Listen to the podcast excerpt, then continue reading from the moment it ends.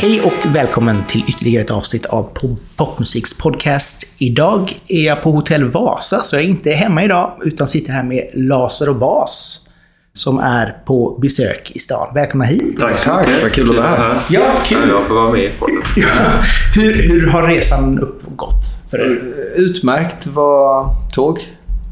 Vi eh, reser klimatsmart. Nej, men det är ju fördelen av att eh, inte ha med sig trumset och annat. Ni, men ni försöker alltid köra klimatsmart när ni är ute och reser? Eller Eh, bara... Ja, vi försöker naturligtvis. Det är, det är snyggt, för jag menar, det är ju också viktigt idag. Att vara ett företag som... Ja, liksom, om- och att tänka lite grann åt det hållet också. Liksom, så att, ni Ja, det är, det är, naturligtvis, men sen är det ju kanske mer mest eh, tur att vi har slått in på den här banan. Det var kanske inte det som var målet från början, så här, men sen är vi naturligtvis stolta över att, att det är så. ja, men du kommer ju ändå från, från ett band, så då var det väl minivans som ni fick ha? Eller? Absolut, hyrde alltid en, eh, en minivan och så åker man sju timmar upp till Stockholm. Och eh, så ska man soundchecka trumset och stämma pukor. Och det, jag, jag är glad att, att det ser ut på ett annat sätt. Ja, det är ju som sagt var, en, en, kanske inte bara en dator, men en dat dator och synt, det tar inte jättemycket plats. Liksom. Men, Nej, precis. Och så just det här att man kan eh, alltså, ta tåget. Och, för annars, någon gång har vi hyrt bil också, men då liksom, får ju den ena... Då är man helt slut när man kommer fram.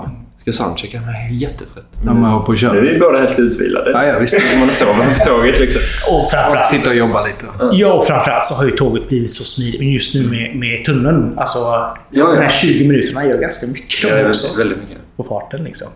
Min, min sambo är ju från eh, Dalby, så det blir mycket Okej. pendling ner till eh, och hälsa på hans föräldrar i Skåne. Nej. Så, Dalby, ja, ja, just det. ja, utanför, ja, så Ja, det, ja, precis vad det är. ja, ja, det. Så att, men ni är ändå, ändå eh, aktuella idag med Teddy och Ja, vi, Helena. precis, vi är inte bara här för att prata logistik. Men, eh, ja, vi har rätt ut det. Ja. Eh, nej men Teddy och Helena, ett album som verkligen så här bubblar av syntar, energi och, och fest. Alltså, Ja. man ja, det är ett partyalbum. Ja. Känner ni att ni är där fortfarande? Att ni älskar att gå ut och festa? Eller känner ni att ah, det är kul att sjunga om, men... Väldigt bra fråga. Eh, på så sätt att eh, vi är ju småbarnsföräldrar idag. Va? Och vi sa just det när vi sågs i morse att uh, min unge gick upp halv sex, Ola, och jag sa att min gick upp sex. Så att det är klart att ehm, eh, ja, vi, är fan, vi är usla på, på att festa just nu. Om man ska vara ärlig. Men eh, vi, det finns ju också... Och i det så kan det ju också finnas eh, en sorg. Kanske inte bara över att man saknar festen, men att också... Eh, att även jag skulle drabbas av det här med åldrandet. Det trodde man ju inte. Liksom. Men så är det. Och jag tycker på något sätt att det, den berättelsen också finns i det här. Eh, när man pratar om fest. I, på det här albumet. Ja, absolut. Alltså det är ju fortfarande en hel del alltså sånt här var bra det blev av alla. Den, eller alla av, förlåt. Den kändes som en sån wake-up call. Liksom att oj, men nu är inte alla ute Nej. lika mycket längre. Nej, om man, precis. Man blir ju... Ja, det blir Men det är så otroligt kul att spela sån klubbig musik. eh, Alltså i, eh, vad ska man säga, på spelningarna så det inbjuder ju till dans liksom. Och det, den eh, grejen liksom är ju så jäkla kul att spela. Liksom eh, musik som går mer åt det hållet liksom. Ja, Det är att få till den här feststämningen liksom. När man lirar. och jag kan tänka mig att det blir underbar stämning i lokalen. Liksom. Ni spelade i, nere i, i Malmö igår. Mm, precis. Hur, blev, hur var konserten där? Ja, Så jävla bra stämning. Nästan fullt i lokalen och eh, alla var så sjukt på. Folk gillar ju vad skit som helst här nu efter pandemin. Det är, det är verkligen bra tryck och ös. Så det, det känns ju underbart. Det var ju vår vision lite från början med Laser och Bas. Att vi ville vara... Alltså att publiken skulle ha kul när vi spelar.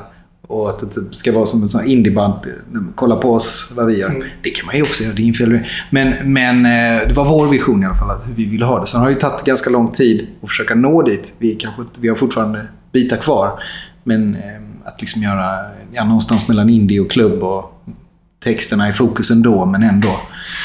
Eh, så det är det vi vill, vi vill göra. Alltså vara liksom det här för, förfestbandet, men sedan också bli bandet som man ser när man faktiskt är ute på fest. Ja, så kan man säga.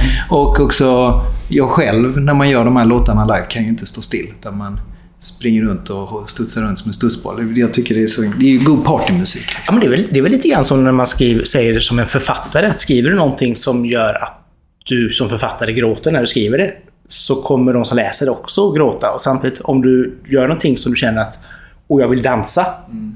så kommer ju alla som hör det också vilja dansa. Fast sam, ja, men det stämmer ju inte riktigt. Om jag sitter och skriver någonting och gråter, det låter ju mest självömkande. Jag, jag, jag har svårt att se hur den texten skulle vara något för någon annan bara för att... Alltså det låter ju mer som man sitter och... Om jag hade gjort det i alla fall, ja. hade det mer känts som något jag sitter och tycker synd om mig själv. Och det gör jag ju ibland, ska gudarna veta. Men, men eh, det, det, blir sällan bra konst. För min del. Ja, nej, jag tänkte mer på... Det var bara en reflektion. Ja, nej, jag tänkte mer på om man är typ författare eller om man skriver liksom manus till en sorglig scen. Liksom. Alltså den, den typen av eh, konst. Mm. Sen kan jag tänka mig liksom att eh, är det ja, musik, där kan det ju också bli att man träffar en, en känsla som folk tar till sig på ett helt annat sätt. Mm. För det vet man ju, man har ju vissa låtar som man kan lyssna på om och om igen. Man vill just känna sig lite självömkad och tycka synd om sig själv. Och så tar man den här långpromenaden och så lyssnar man på en viss låt. Och så mm. Absolut. Tycker man ännu mer synd om sig själv. Ja, ja. Och sen är låten slut och så är allting lite bättre. Det finns ju, precis, jag kan ty verkligen tycka om så här bruksmusik alltså som används i olika syften. Så här. Nu ska vi vara glad, nu är det synd om mig. Ja. Jag tycker jag tycker om att skriva med, alltså med det texten med det ändamålet. Så här, att det här låten, alltså det ska vara tydligt vad det ska användas till. Så, när man skriver. Men många av dina texter är ju också väldigt... Eh, vad ska man säga? de, de känns som att det är med betraktelser av hur folk är.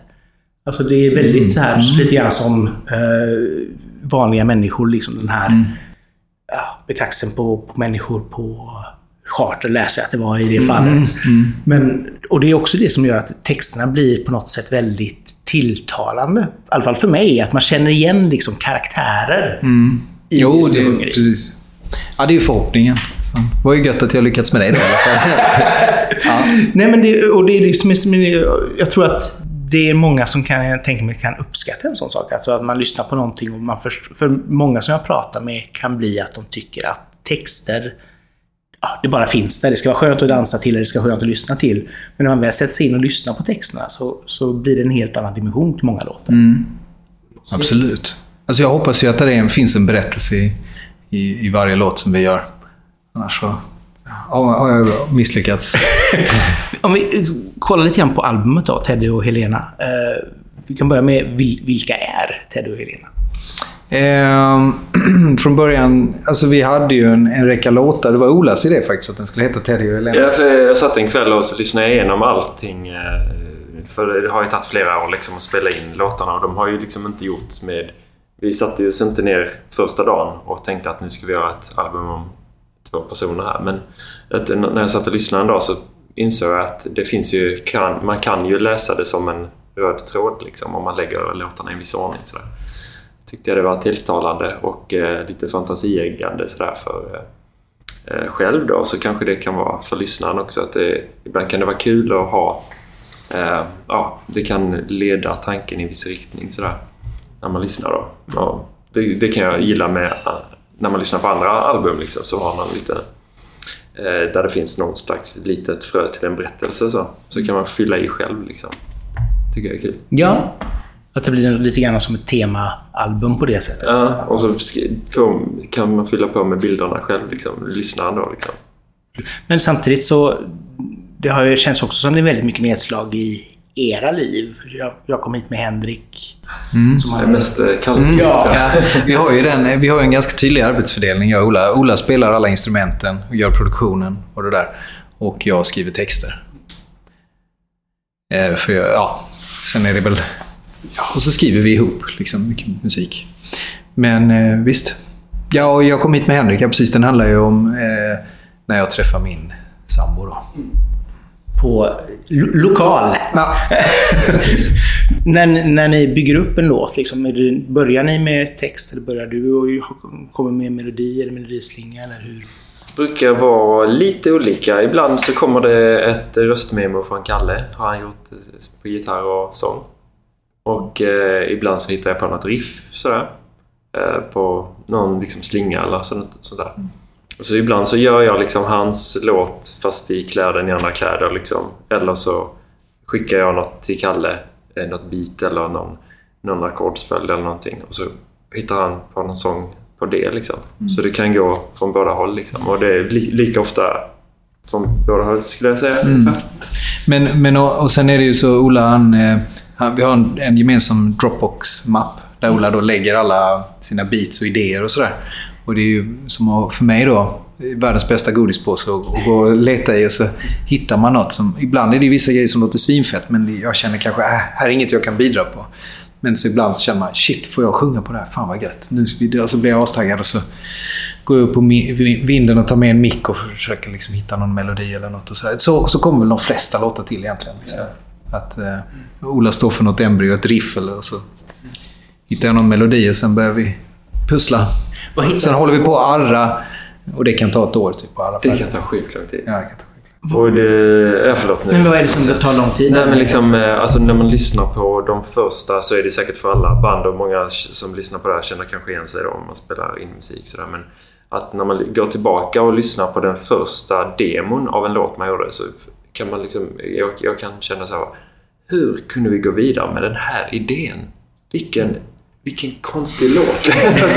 men sen så, för sen har det ju blivit totalt an, annorlunda sen. Men eh, ibland kan jag eh, kommit på mig själv att så här, oj, hur orkade vi rida det där i land? Liksom? Mm. För det var så man har ju en känsla från början att, det finns någonting man vill åt. Sen ja, söker det. man det. Liksom. Det är väl så. Jag antar att det är därför. Liksom. Med, med ta klockan 15.40 till exempel. Den var, hade ju en helt annan refräng och en helt, alltså helt annan... Ja säkert två, tre gånger. Ja. Man känner, ja men nu kanske. Och så bara, ja, men kanske ett steg till och så blir det en helt ny melodi, en helt ny. Mm. Innan vi liksom hittade den då. Det är väl ja, verkligen rip it up and start again. Ja. Många gånger. Liksom. Och på många låtar är det så. Ja, nästan alla låser och baslåtar har liksom haft ett par refränger innan man hittar i mål. Ja, okej. Okay. Har det varit så att ni känt alltså, en låt som ändå har brunnit för, men till slut bara nej, nej vi får inte ut det Ja, men så fort man hittar någonting som är bättre, så även om man gillar det och den andra skitmycket, så skiter man ju i den ju. Det är ju som när du ska flytta eller någonting. Du tänker ju sällan på att du kommer sakna din gamla lägenhet. Du ser ju bara fram emot det nya ju. Alltså, och så är det ju. Och jag tycker väl att vi, det är väl lite det som är skillnaden. Alltså, vår utveckling är ju att vi pushar, varandra, pushar det där liksom längre och längre och hårdare och hårdare. Jag tänker, vi släppte ju igenom grejer mer frikostigt förr. Och vi blir liksom mer och mer ja, eh, hårda med vad som går, går under ribban. Så att säga. Det är ju också bra att man är liksom självrannsakan och bara ja. ja. det, här, det här går upp till vår standard, det här gör det inte. Okej, då antingen får vi göra det bättre eller också får vi göra någonting annat. Precis. Och, och, det är väl det som är själva poängen. För jag tänker, nu har jag, jag och Ola har ju liksom känt varandra sedan vi var 16 år. Det, vi har liksom hållit på att göra musik ihop. Så ofta vi har fått chansen. Eh, så det är ju fruktansvärt lång tid. Och på ett sätt så känns det också som att man börja lära känna varandra. Alltså att man, man lär sig förstå ett samarbete. Hur gör man varandra bättre? Hur kan jag pusha Ola? Hur kan han pusha mig? Alltså hur kan vi... Och det, hela den biten. Liksom. Och, och, att vara öppen och liksom... Ja, det, och, och, våga prova och latcha och... Jag vet inte. Och hela den biten. Och det är väl också det som är viktigt i den här branschen. Att våga vara nyfiken. Mm. Våga liksom testa saker, nya saker och så vidare. Hur, hur kompletterar ni varandra ja. när ni gör musiken? Så jag tror, jag tänker en sån eh, superegenskap som Ola har är att han, han är, du är så otroligt eh, prestigelös liksom, i, um, i allting. Och, då, och det smittar ju av sig. Då vill man ju själv vara lika prestigelös. så det finns liksom ingen tävling, utan målet är bara att låten ska bli så bra som möjligt. Och eh, eh, allt annat eh, går åt sidan. Liksom. Och någonstans så har ni väl någon gemensamt intresse att faktiskt nå dit också. Att få, få ut bra låtar. Liksom, ja. så att, det är väl det som är det viktigaste. Ja, det, ja självklart. Alltså, det, det är det ju. Men det finns också en, ganska, liksom en gemensam tydlig vision med att vi liksom... Jag tänkte på det igår när vi spelade och, och man sjunger de här låtarna. att eh, Jävlar vilken bra refräng. Alltså det här är ju pop. Liksom, tydlig, liksom raka melodier, jävligt så. Ehm, och det, det vill vi, ju- vi ju göra. Vi vill göra dängor. Liksom. Som i, vad vi tycker är en dänga. Liksom en poplåt sådär, i sitt renaste format. Sådär. Just nu i alla fall. Så kanske det förändras, den visionen. Men just nu är vi... Det är det vi har velat göra med här, det här albumet. Jo, men det är ju också, alltså det är ju en, ett, sprakande popalbum. Mer eller mindre rakt igenom. Så att, och när man lyssnar på det, så, i alla fall jag blir ju superglad. För det första då att det är så otroligt syntigt i, i arrangemangen. Och sen då som sagt var texterna, att de är väldigt smarta. Liksom, och igenkännande. Så att jag tycker det, där har ni ju absolut lyckats. Liksom. Att det är jätteroligt. Kul att höra. Ja, men vad har ni själva för, för inspirationskällor? Liksom, i, Ehm, jag, ehm, jag har lyssnat, eller ehm, nu på sistone så lyssnar jag mycket på en artist som heter Roisin Murphy. Som eh, eh, jag tycker är helt otrolig. Som jag kanske snappat upp lite inspiration ifrån och sådär.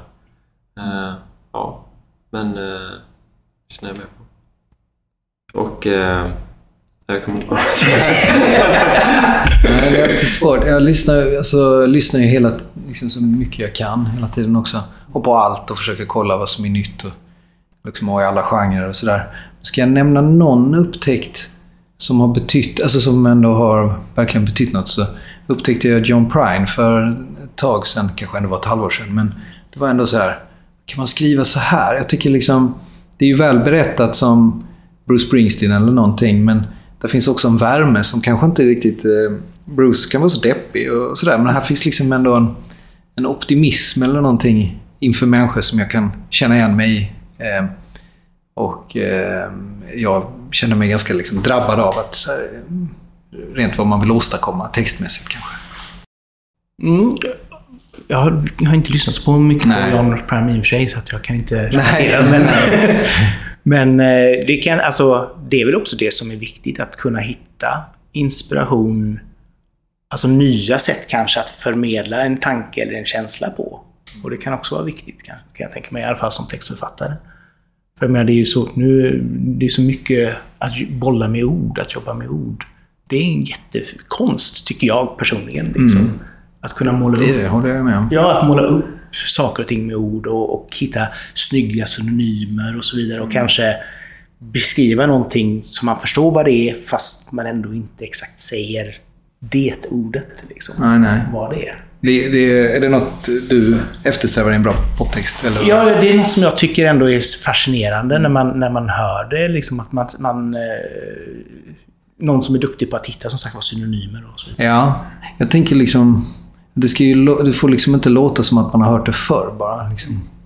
Så, Jo, nej, men absolut. Alltså, det är ju... Det är ju och samtidigt ska det ju låta helt naturligt. Ja. Och det är väl det som är svåra konsten. Ja, det, kan inte, för det får inte bli för pretentiöst i ord heller. Liksom, att man bara känner att oj. Alltså att det kanske är onaturliga ord kanske som man använder. För ibland så kanske man slår knut på sig själv när man skriver. Liksom. Oh, tack. Är det mycket sånt när du, när du skriver? Alltså att försöka hitta en, rätt, en, en bra känsla i ord?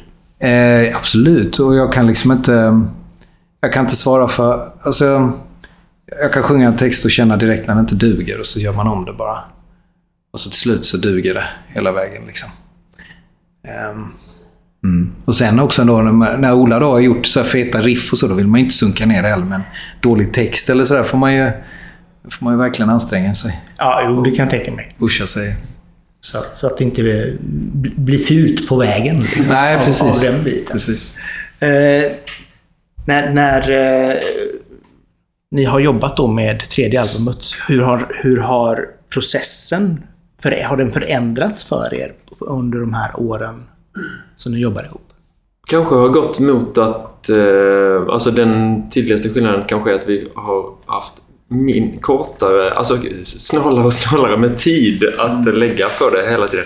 Så att den lilla tiden man har måste man eh, förvalta verkligen. Man kan inte sitta och hålla på och liksom eh, för mycket så här, ja, nu ska jag testa något eh, här, se vad det här leder till. Utan nu, nu har jag en timme på mig här. Nu ska jag göra den här. Nu måste, nu har, vi har inget stick på den här låten. Nu ska det vara ett stick där.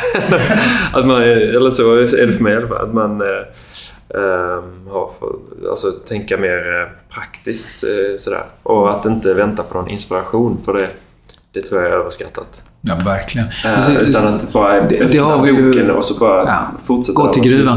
Det, det, är väl, vi är ju väldigt olika som personer men vi är väldigt lika i det. Att vi båda är liksom arbetshästar sådär i att um, om vi, vi har ett rep, då, då börjar det prick när det ska och då sätter vi igång och arbetar. Och så jobbar vi på och sen avslutar vi med att ge varandra läxor liksom, till nästa gång. Och då ses vi om en vecka och då, då har ju båda gjort då, vi, ja. då börjar vi direkt med det liksom, som vi hade i läxan. kan, kan, kan kanske ha något att göra med att båda är lärare. kan, precis. Vi gillar, vi gillar att ge folk läxa. Kanske bara det. Jag Ola läxa bara för, bara för att jag gillar att ge folk läxa. Nej, men vi... Eh, nej men ändå, det har ju att göra med att vi är småbarnsföräldrar också. Och ja. vi vill ju få det här, eh, för liksom om, man inte, om vi inte gör musik så ja, då får det ju också stora konsekvenser för hur man mår eller vad man vill göra med sitt liv. Eller vad det är. Och vi, det är klart att arbetsprocessen för mig då ser ju rätt annorlunda ut nu när jag har två små.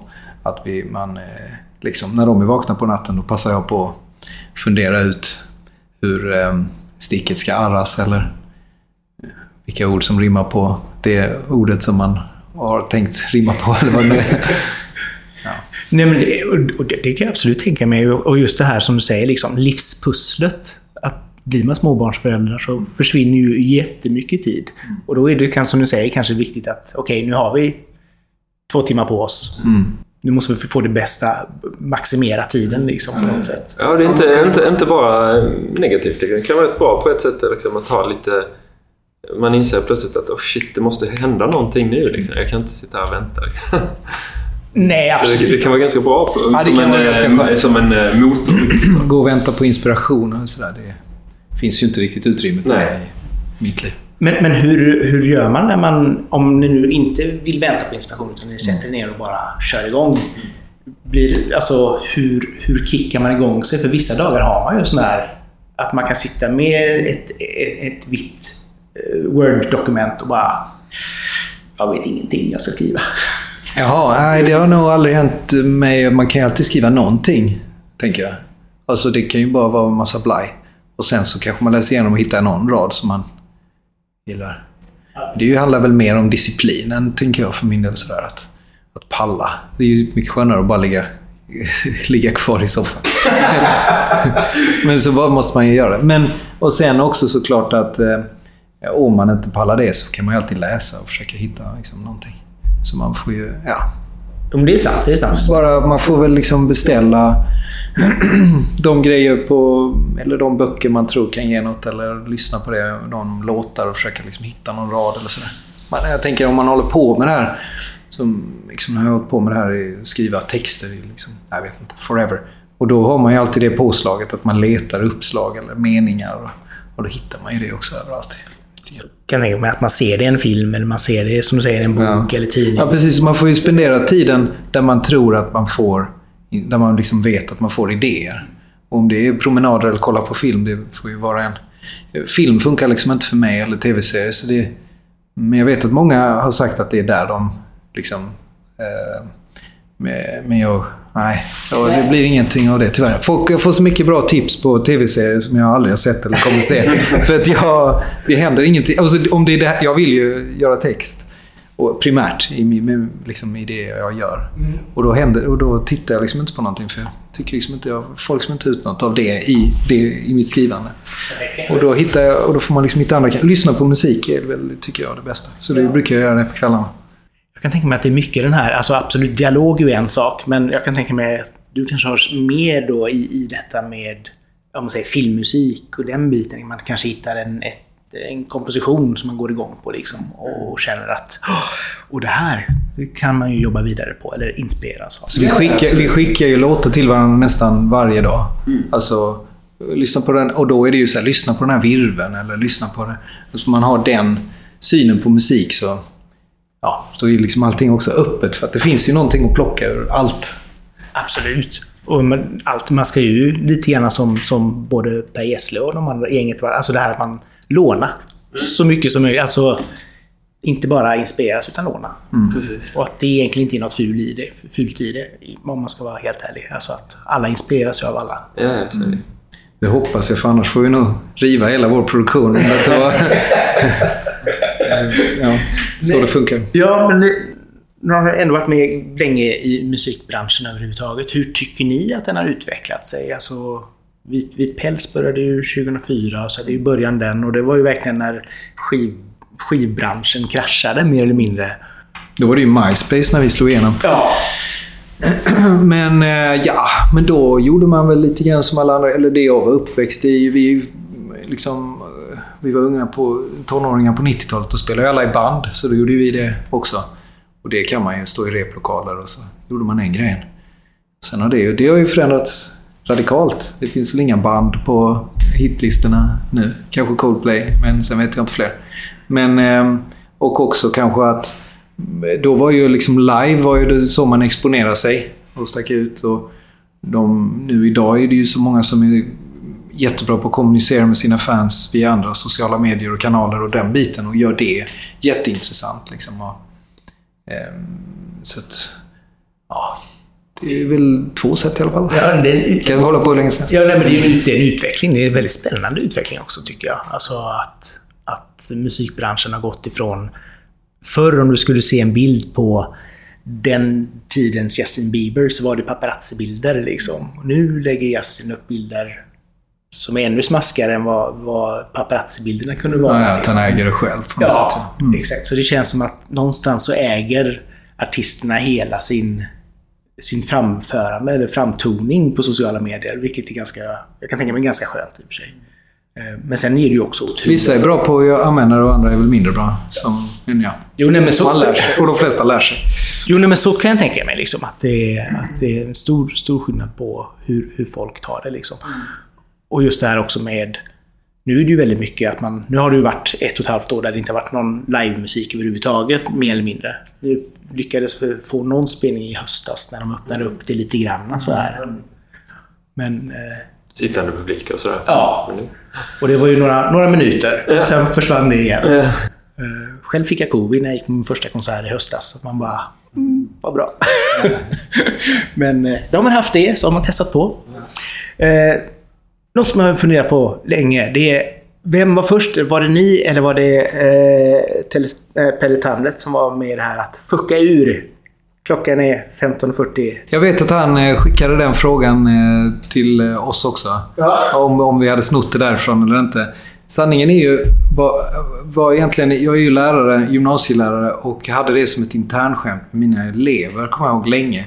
Att vi avslutar fredagen med att säga det på fredagen. Att jag, eller jag samlade dem och sa det. Och, så blev det en grej de tyckte det var något vi tyckte var kul. Sen vet ju inte jag om, i sig om det var jag som började eller om det var någon elev som började som i sin tur har snott det här av Pelle. Det kan ju vara, kan ju vara en sån grej. Så, men... eh, Mm. Men det, det är roligt att den låten har fått sån härlig spridning. Det var ju roligt på så sätt att, eh, det var, eh, att eh, först så landade den väl rätt mellan, mellan alla stolar som en låt kan eh, landa mellan eh, när den släpptes. Och sen ett halvår senare så blev det världens hype på TikTok. Min brorson sa till mig, vet du att din låt är på TikTok? Jag hade liksom aldrig ens sett vad TikTok var. Sådär. Visade han där. Så tyckte man ju det var väldigt spännande. Det var ju kul att följa det. Så från att ha haft några hundra streams om dagen så var det 20 000 streams. Ja. Oj! Ja, men den blev, var, ja, den blev superviral som, som skivbolaget ringde och sa att, eh, att det, var, det var deras ord. Men, men eh, sen... Mm, ja, Ja, men roligt, för det är ju också... Alltså, det är ju en fantastiskt kul låt framförallt. Alltså, det, det, det är alltså bra partylåt. Och att det ändå har blivit så pass... Och just det här att det har hamnat på TikTok, det säger ju också ganska mycket om hur en låt kan organiskt leva vidare någonstans. Liksom. Så att det, det är inte bara sista spåret på albumet, utan det är någonting annat också. Liksom. Så att, jag gillar eh, hur, Vad har ni med under det här året som har gått? Ni hade som sagt var lite spelning, men hur har covid-året påverkat er som band och som personer? Eh, ja, det har ju... Alltså, jag har inte varit så påverkad av covid eftersom jag har de här, gör de här småbarnsåren ändå. Jag har liksom, det är ju ingen annan som har varit ute heller. Så. Men, eh, men, nej, men det är klart att eh, alltså vi, det är som, vi är ju på att repa skitmycket med de här låtarna och sen blir, blir det inställt igen och uppskjutet igen. Så det är klart att det varit frustrerande på så sätt. Men... Eh, Men vi har hållit på, alltså för oss, vi har ju hållit på ungefär det enda som har varit lite frustrerande är väl att ja, nu får vi, alltså som återigen det här med den begränsade tiden, liksom, att då får man ställa om så här i studion att antingen är man i rep-mode eller är man i skriva låtar-mode. Precis, och det har, Så det har varit varit störigt bara att det tar... i, onödan. Ja, precis. Och det är störigt bara, fan, hade vi kunnat göra en låt på den här? Ja, exakt. exakt. Eh, Så det är väl det som har påverkat. Så, precis, för det påverkar ju- det är inte, I och med att vi har båda jobb så påverkar det inte vår inkomst. Vi är inte lidande så som många andra eh, vänner, vänner och artister som, som verkar ha lidit av detta. Så jag tycker nog av covid, vi har nog kommit eh, extremt lindrigt undan också. Jag tänker på de, mina elever och sådär som mår fruktansvärt dåligt av att sitta hemma och, eh, efter lektioner och sådär. Att den generationen har drabbats jättehårt och naturligtvis har de äldre drabbats jättehårt. Och jag då, inte jättemycket egentligen, men mer än att, eh, ja. Nej, men det, det tycker jag är intressant, för det har varit mycket det här med alltså att tonåringar mår mycket sämre psykiskt. Fruktansvärt har de mått. Det har varit jättetufft tycker jag. Många tuffa samtal. Hur har du kunnat hantera det som lärare mot dina elever? Mm, att de mår, ja, men det är väl mer att, det är mer att min, min arbetstjänst då ju blir mycket tråkigare också av att eh, när man borde vara fokus på vissa grejer då kanske som man tycker om att prata om eller som vi ska prata om. Men sen istället så är det mer mentorssamtal där man får höra hur folk mår och inser att fan vad tufft du har det alltså. Det är inte kul. Sitta med datorn och hemma och undervisning. Och sen när den är, dagen är slut så ligger man kvar där i sängen och sen kan man inte sova på natten. Och det är, men eh, och då har ju ändå Sverige kommit ännu lindrigare undan än säg Indien där man liksom inte har haft någon möjlighet till undervisning hemma alls. Eller så så jag tror ja, kommer ta tid att få all fakta om eh, konsekvenserna av den här pandemin. Men eh, jag tänker på den här generationen, den yngre generationen. Alltså, tufft det har varit. Ja, det måste ha varit jättemäckigt för dem. Alltså, som sagt, som du säger, vi har kommit lindrigt undan, vi som ändå inte är... Alltså, me- mellan 30 och 80. Där har det känts som att det har inte hänt så mycket. Både i dödsfall och i, vissa har förlorat smak. Men det är ungefär det liksom. Eh, sen har man väl... Sen har det mer bara varit tråkigt. Just det här att man inte har kunnat göra någonting. Visst, visst. Men det, det är ju bara till att finna sig i. Och så får man veta det att ja, ja, men då får jag väl åka till Paris nästa år. Och så är det inte värre än så. Ja, precis. Det är också lite... Vadå, vad är tråkigt? Man kan, det är klart att det är tråkigt, men man kan ju också göra... Man tänker efter så är väl allting både tråkigt och roligt. Egentligen, liksom, om man ska ta det filosofiskt. Eh, man kan ju läsa en bok, jag vet fan. Spela ett spel. Även, Jo, nej, men, ja, men exakt. Det finns ju inte, och man, man får ju skylla sig själv om man har tråkigt. Men, jag menar, tråkig inställning till livet. Jag menar, man får, Ja, jag, lä, jag läste att, att eh, folk i USA hade, eller vad heter det, de här kurserna för att lära sig spela gitarr hade gått i taket i USA nu under det här året. Så att folk har uppenbarligen lärt sig att göra det i alla fall. ja, ja, ja. Att, Okej, ja, precis. Är det någon som spelar gitarr längre? Jag märker en sån där konsekvens av pandemin för min del är att jag, alltså, jag, jag är så fruktansvärt social sådär som person. Och eh, liksom...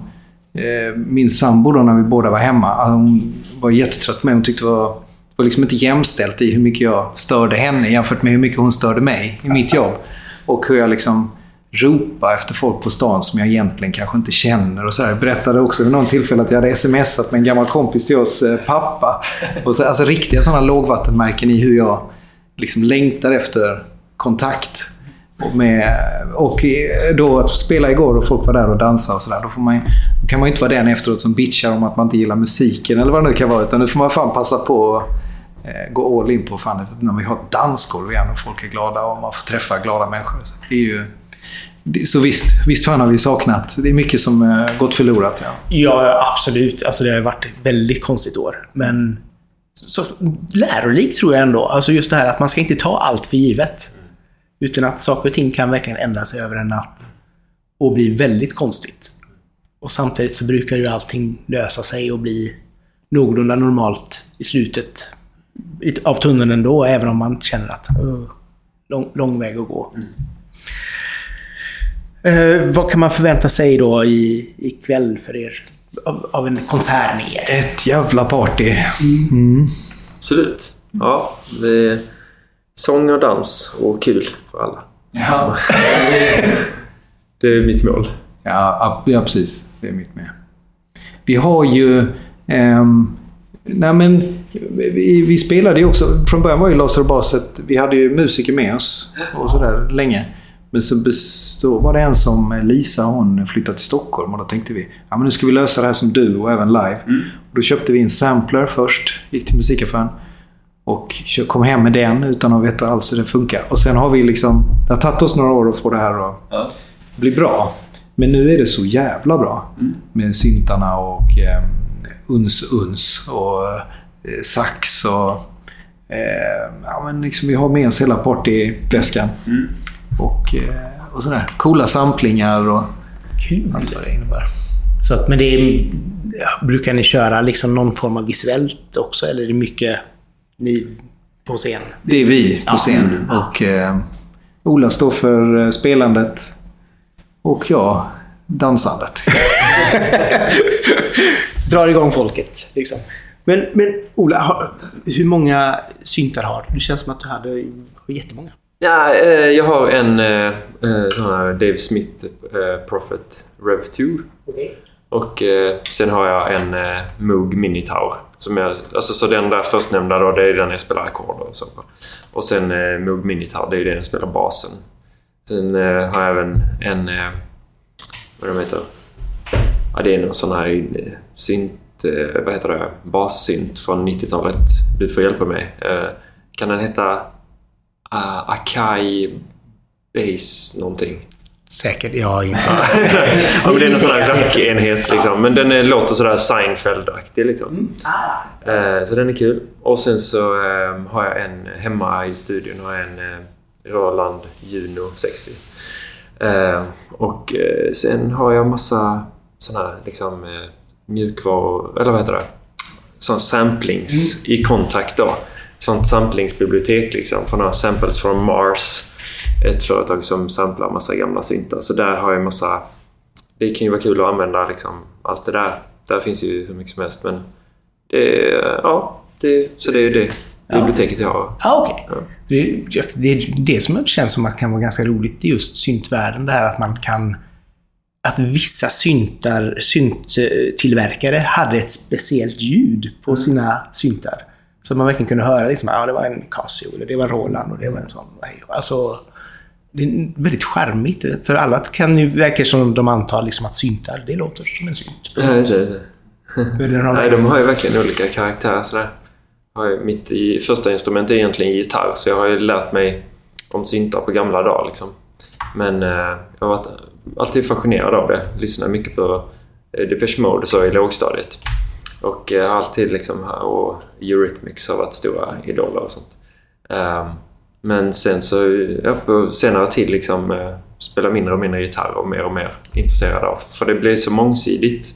Alltså man inser, eh, inser det hänger väl ihop med när vi började spela i detta projektet ihop. Liksom att eh, om man har två personer på en scen, en har en gitarr och en sjunger. Då, och jämför det med att en, alltså att man byter ut gitarren mot eh, synten. För det är ju så mycket mer eh, output liksom. Och det är mycket mer varierat sound och sådär. Så eh, ja, så är väl sagan om det. Ja, du har ju till och Du har ju med... verkligen hittat... Alltså jag tänker på...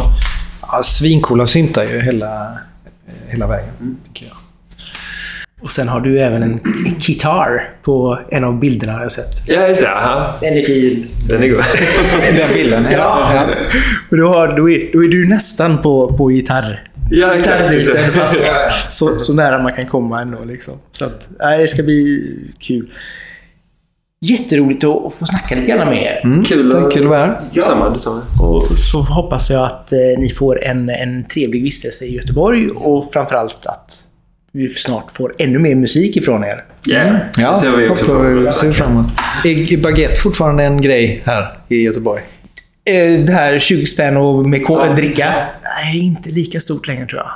Det kan finnas i vissa butiker, men jag tror nog att det är nog eh, Espresso House som har tagit över allting där också Ah. tyvärr.